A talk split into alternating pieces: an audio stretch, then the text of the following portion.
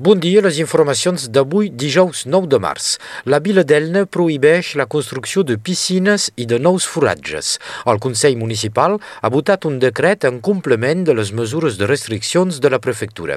Cap piscina ni cap foratge fins que plovi o que s'aixequin les mesures de restricció. Segons el batlle Nicolás Garcia, la sequera assoleix un nivell d'alarma al terme d'Elna on les capes freàtiques superficials ja són buides. Més al nord, a la vall de l'Aglí, la sequera ha obligat a desplaçar 800 quilos de peixos riu amunt. El cabal de l'Aglí és molt feble i gairebé no raja fins a la plana.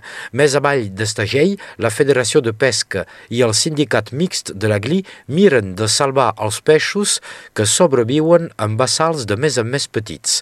Els 13 darrers quilòmetres del riu són gairebé assecats un nou número d'emergència per les dones víctimes d'assetjaments al carrer.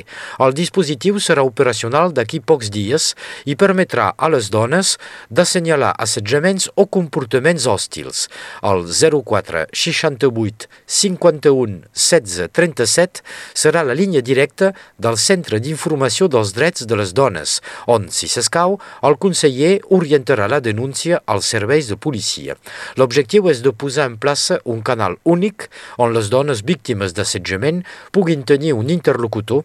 Recordem el número, és el 0468 51 16 37. El Sindicat Intercomunal per la Promoció de les Llengües Catalanes i Occitanes, el CIOCAT, presentarà demà divendres el seu kit de benvinguda al País Català, que serà distribuït a tots els municipis de Catalunya Nord i regalat a les famílies a cada naixement. El CIOCAT també presentarà el balanç de les accions durant una conferència de premsa que tindrà lloc a la Casa de la Regió al centre del món demà a les 10 i mitja. A Catalunya Sud, la seu científica mundial de la Fundació Philippe Cousteau s'instal·larà a l'Estartit.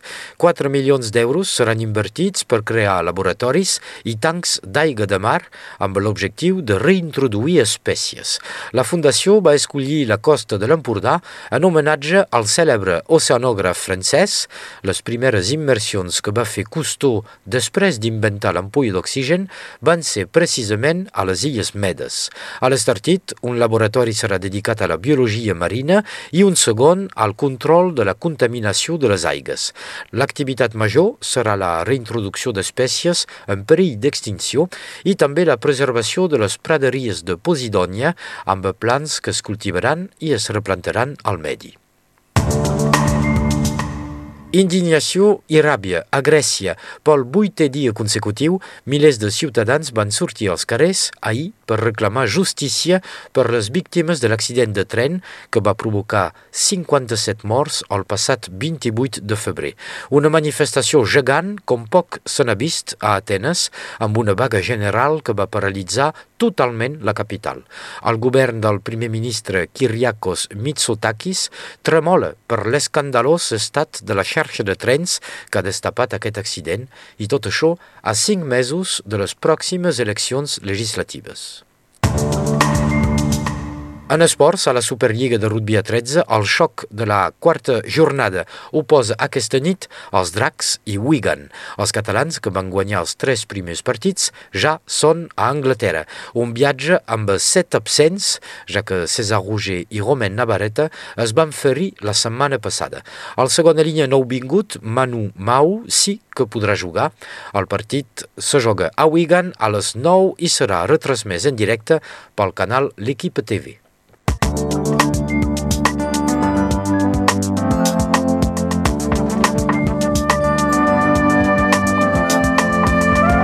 Moltes gràcies, Sebastià. Passem ara a l'informació del temps amb Meritxell Cristòfol.